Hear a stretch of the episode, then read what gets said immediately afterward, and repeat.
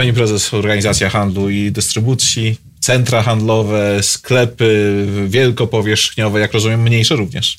Nie, wielkopowierzchniowy głównie. Wielko, wielkopowierzchniowe głównie. Chociaż, chociaż no, mamy również sieć Żabka, więc tak, owszem, no zgadza się. Przepraszam, poprawiam. Czyli, czyli te mniejsze również są.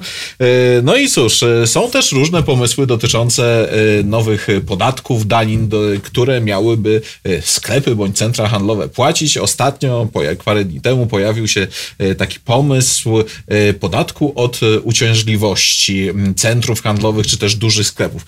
No, na pierwszy rzut oka to wydaje się dosyć sensowne, gdyż rzeczywiście centra handlowe no, czasami generują e, e, korki, zakłócają życie w mieście. E, może to taki podatek powinien zostać wprowadzony. Ja powiem tak, na pewno nie tylko centra handlowe zakłócają, jeżeli mówimy w tych kategoriach spokój w mieście, bo na przykład mamy również stadiony i inne miejsca konferencyjne, czy też chociażby hale jakieś wystawowe, gdzie również spotykają się ludzie w dużej ilości.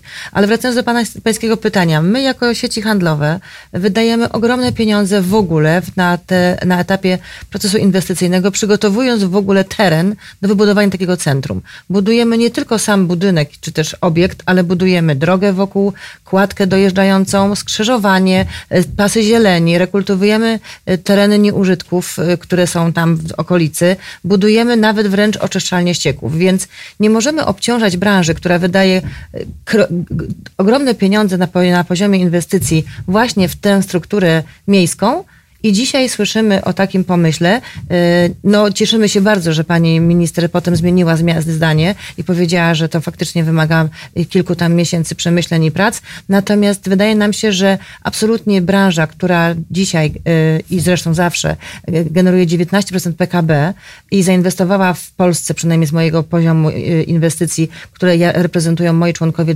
50 miliardów euro, wystarczająco dużo pieniędzy oddaje do Skarbu Państwa, żeby dzisiaj jeszcze dodatkowo dociskać dodatkową daniną.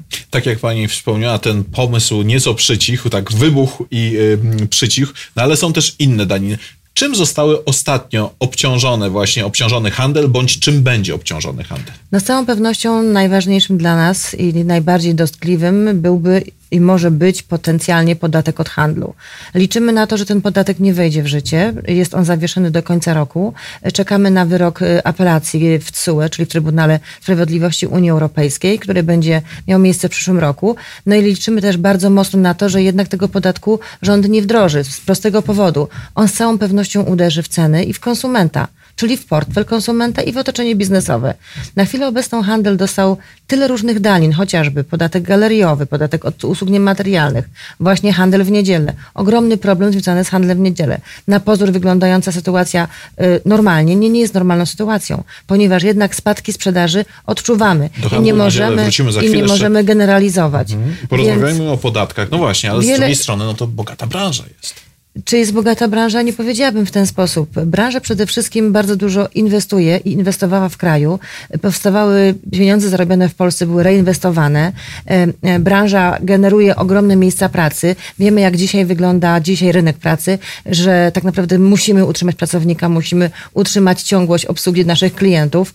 E, średnio w roku podnosimy trzy razy w roku pensję. Mamy bardzo duży pakiet socjalny dla naszych pracowników, bezpłatną opiekę medyczną medyczną, wszelkie inne ulepszenia dla pracowników, dla kobiet, które korzystają właśnie z badań lekarskich bezpłatnych, y, dla, dla naj, najuboższych rodzin, y, w ogóle no, ustawiczne, ustawiczne kształcenie, duże wydatki na właśnie edukację i tak naprawdę to wszystko powoduje, że branża pracująca na najniższych marżach na kilkuprocentowych marżach, dzisiaj nie może sobie pozwolić na dalsze po prostu daniny i dalsze przyjmowanie dalszych obciążeń. Jest dociśnięta z każdej strony. Na łamach Rzeczpospolitej powiedziała Pani, że sklepy, sieci handlowe powinny walczyć o jak najniższe y, ceny. Y, co to znaczy? Tak, domeną wielkopowierzchniowych sklepów handlowych, e, sklepów e, w Polsce była zawsze naj, najniższa cena. Przez wolumen sprzedażowy, jaki oferujemy, przez ilość, przez skalę sprzedaży, jaką oferujemy klientom, mogliśmy utrzymać cenę przy najniższych możliwych marżach dla siebie. Mogliśmy tym utrzymać cenę na najniższym poziomie. Ktoś Ktoś kiedyś powiedział takie zdanie, że dzięki wielkopowierzchniowym sklepom Polacy mają więcej w kieszeni. I chcieliśmy po prostu przez lata utrzymać taki właśnie poziom niskich cen. Niestety okazuje się, że przy tych wszystkich dociążeniach finansowych i właśnie zamkniętych sklepach w niedzielę, yy, te, ten, ten czynnik y, finansowy jest bardzo tutaj ważny i on wpływa na ostateczną cenę. Rosną koszty, nie tylko koszty samego y, obiektu, czy też no, funkcjonowania obiektu i innych dociążeń, ale również po stronie producentów, którzy też się borykają z różnymi swoimi dodatkowymi obciążeniami, chociażby związanymi ze wzrostem kosztów energii elektrycznej i nie tylko i suszą i innymi uwarunkowaniami. Więc musimy na to popatrzeć, że w ten sposób powinniśmy pracować, żeby wspólnie, wspólnymi siłami spowodować, żeby ten y, wzrost ceny nie nastąpił, a wręcz, żeby te ceny zostały obniżone, bo mimo pomocy i programów y, społecznych 500, jednak tych pieniędzy zostaje mniej w tym momencie, bo, bo ceny poszły tak mocno w górę, że klienci bardzo mocno odczuwają, że jednak mogą sobie dzisiaj mniej pozwolić na zakupy niż kiedyś. Proszę mi powiedzieć, kilkakrotnie już wspomnieliśmy o handlu w niedzielę, to zastanówmy się właśnie nad handlem w niedzielę, czy też zakazem handlu w niedzielę. Jak to wpływa na branżę? Wpłynęło to na branżę w sposób negatywny, chociażby z tego powodu, że bardzo zaostrzyło konkurencję. Y, to, co obserwowaliśmy. No, konkurencja jest dobra. No tak, tylko możemy, musimy pamiętać, że te firmy, które stać na duże kampanie reklamowe, mogą sobie pozwolić w ciągu tygodnia zrobić dobre promocje, dobre, do, dobrze przygotować ofertę, asortyment w ten sposób, żeby jednak ten klient, klient w tygodniu te zakupy zrobił. Bardzo mocno ucierpiały największe powierzchnie handlowe, gdyż domeną tych właśnie powierzchni handlowych był, były zakupy niedzielne, te, czy też weekendowe. Wiemy, że wybierając się z całą rodziną na zakupy, musimy dedykować temu odpowiedni czas znajdujemy miejsce parkingowe i, i zdajemy sobie sprawę, że poświęcamy temu czas, jednocześnie traktując te zakupy nie tylko jako zakupy sensu stricte, ale po prostu jako forma spędzenia wolnego czasu. W tym czasie jeszcze dodatkowo konsumujemy, konsumujemy posiłek, spędzamy czas na jakichś atrakcjach w centrum czy też w galerii handlowej i to właśnie w ten sposób wyglądało. Dzisiaj tak naprawdę Polacy po całym tygodniu pracy, czy w ciągu tygodnia pracy, na prędce robią zakupy po pracy. W ostatnim momencie, kiedy tak naprawdę jesteśmy zmęczeni, nie mamy czasu na przemyślenia, jesteśmy po prostu w danym momencie skazani na to, żeby chwycić pro produkty podstawowe i po prostu szybko wrócić do domu. Natomiast jeśli chodzi o zakupy właśnie weekendowe, to też słyszymy bardzo negatywne głosy ze strony konsumentów, że jednak wy Wybranie się na zakupy dzisiaj w sobotę to, jest, to wymaga dużo więcej czasu niż kiedyś, bo kumulacja tych zakupów w sobotnik spowodowała, że klienci dużo czasu poświęcają na poszukanie tego miejsca, zaparkowanie, dostanie się do centrum, a już z wyjazdem to są tak naprawdę czasami i godzinne wycieczki, więc nie, niektórzy naprawdę rezygnują z tego, żeby tracić tak dużo czasu właśnie tylko po to, żeby się dostać do centrum, do, do galerii handlowej w niedzielę. A co jeśli chodzi o biznes y, handlowy, no to oczywiście y, wygląda to w ten sposób, że słyszymy, że oczywiście konsumpcja rośnie, no ale ona rośnie z uwagi na to, że rosną płace i mamy program społeczny. Jednakowoż w niektórych formatach są bardzo niskie obroty i te obroty faktycznie spadają co oznacza dla nich, że oni muszą szukać innej drogi, żeby się utrzymać. I chociażby dzisiaj trend nowych technologii to są potężne koszty, potężne y, pieniądze, które trzeba zarobić, żeby móc w ten trend po prostu wejść a wymaga tego od, od, nas nie tylko moda, ale również i klient i zmieniające się czasy. A jakie sklepy najbardziej cierpią, jeżeli chodzi o zakaz handlu w niedzielę? Te właśnie największe powierzchnie handlowe, te, które po prostu do tej pory pozwalały sobie na pewne atrakcje i pewne działania właśnie skomasowane weekendowe oraz te najmniejsze sklepy, wbrew pozorom, które stanęły w konkurencji chociażby ze stacjami y, paliw, które są otwarte. No i dzisiaj należy też pamiętać o tym, jak, w jaki sposób to wpłynie docelowo w dłuższej perspektywie z poziomu, z perspektywy e-commerce. Mamy społeczeństwo starzejące się i mamy młodą generację, która tak naprawdę bardzo chętnie i bardzo często korzysta właśnie na, e, na, e, z kanału e-commerce, czyli zakupów przez internet.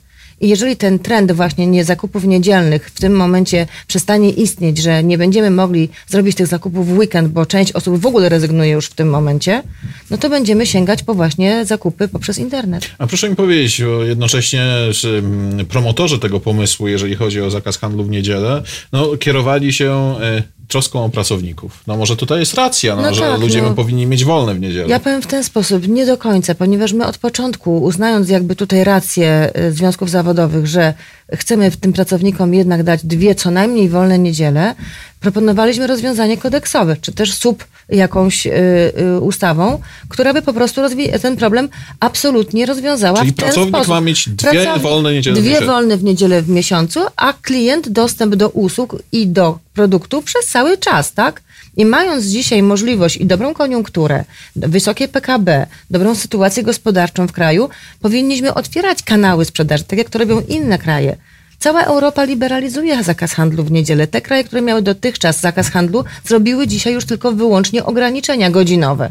Natomiast my idziemy w, zupełnie w odwrotnym kierunku. Zamykamy handel, mimo że mamy możliwość wydawania pieniędzy i powinniśmy z tego właśnie przywileju skorzystać. Mając więcej w kieszeni, z różnych powodów i z uwagi na wysokie pensje i dodatkowe y, pomoc państwa, powinniśmy wykorzystać ten czas na zrobienie zakupów, bo nie możemy tylko się skupiać na zakupach spożywczych. To jest za mało, to jest tylko wycinek naszej rzeczywistości. Mamy jeszcze cały tutaj y, gamę produktów niespożywczych, tak zwanych przemysłowych, szczególnie ubrania, obuwie, meble, wyposażenie wnętrz, kiedy tak naprawdę nie mamy czasu w tygodniu po pracy, a jeśli mamy tego czasu, to niewiele, żeby szybko zrobić duże zakupy do domu, na przykład wyposażenie wnętrz. To wymaga wyjazdu na kilka godzin i spędzenia czasu najlepiej z rodziną, żeby to była wspólna rodzinna decyzja.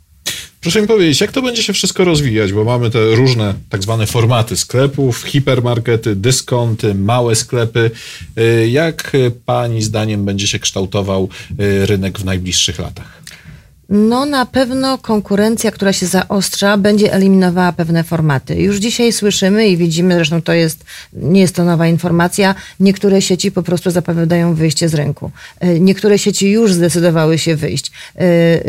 Będzie się na, na pewno będzie pewne przetasowanie, mówiąc kolokwialnie. Więc jeszcze do tego dojdzie bardzo mocny rozwój e-commerce i omnichannel i multichannel, wszystkich tych właśnie kanałów związanych z nowymi technologiami, które po prostu rozwijają się w bardzo szybkim tempie transformacja cyfrowa tak naprawdę napędzi nowe rozwiązania dla, dla rynku. I zobaczymy, kto na koniec tak naprawdę jest w stanie przetrwać taką konkurencję. Z całą pewnością e, era małych sklepów tak naprawdę jest już zakończona. I to nie wynika wyłącznie, czy też li wyłącznie z konkurencji silnej, tylko z tradycji. Przekazania małych sklepów po prostu y, y, członkom rodziny. Dzisiaj młody człowiek, który ma inwestować w biznes, nie będzie inwestował w biznes, który tak naprawdę ma najwyższe ceny w, w, na rynku, jeśli chodzi o, o sprzedaż, no bo ma najmniejszą skalę, jeśli chodzi o zakupy. Natomiast idziemy w nowe technologie i młodzi ludzie nie chcą przejmować tych właśnie biznesów. No tak, czyli rzeczywiście tutaj jest poważny problem, e, problem sukcesu sukcesji, który może no, Jest zdecydować problem sukcesji i jest kwestia, i jest sklepów. kwestia tego, że żeby dzisiaj konkurować z, z dużymi powierzchniami, należy traktować siebie niszowo, czyli znajdować niszę dla siebie na tyle atrakcyjną i cenowo, i jakościowo, żeby w tym momencie móc stawić czoła konkurencji. A dyskonty? Czy era, złota era dyskontów też widać gdzieś na horyzoncie, że następuje zmierzch? No dyskonty mają dzisiaj bardzo mocną sytuację. No wynika to z tego, że właśnie, tak jak powiedziałam, mogą pozwolić sobie na duże kampanie promocyjne, marketingowe i no utrzymały swoją pozycję przez długi, długi czas na rynku bardzo mocno, więc myślę, że im w, duże, w, w dłuższej perspektywie nic nie zagraża. Natomiast na pewno nie wiemy, jak sytuacja z, związana właśnie z transformacją cyfrową może mieć wpływ właśnie między innymi na dyskonty również. Na ile wielkopowierzchniowe y, sieci wykorzystają, czy też będą zmuszone prze, prze, prze, przemodelować swój model biznesu, żeby utrzymać się na rynku, bo jednak zainwestowane 50 miliardów euro zobowiązuje i akcjonariuszy, i właścicieli, żeby jednak w tym rynku pozostać. I działać. I Bardzo działać. dziękuję za rozmowę. Moim gościem była pani Renata Juszkiewicz, prezes Polskiej Organizacji Handlu i Dystrybucji.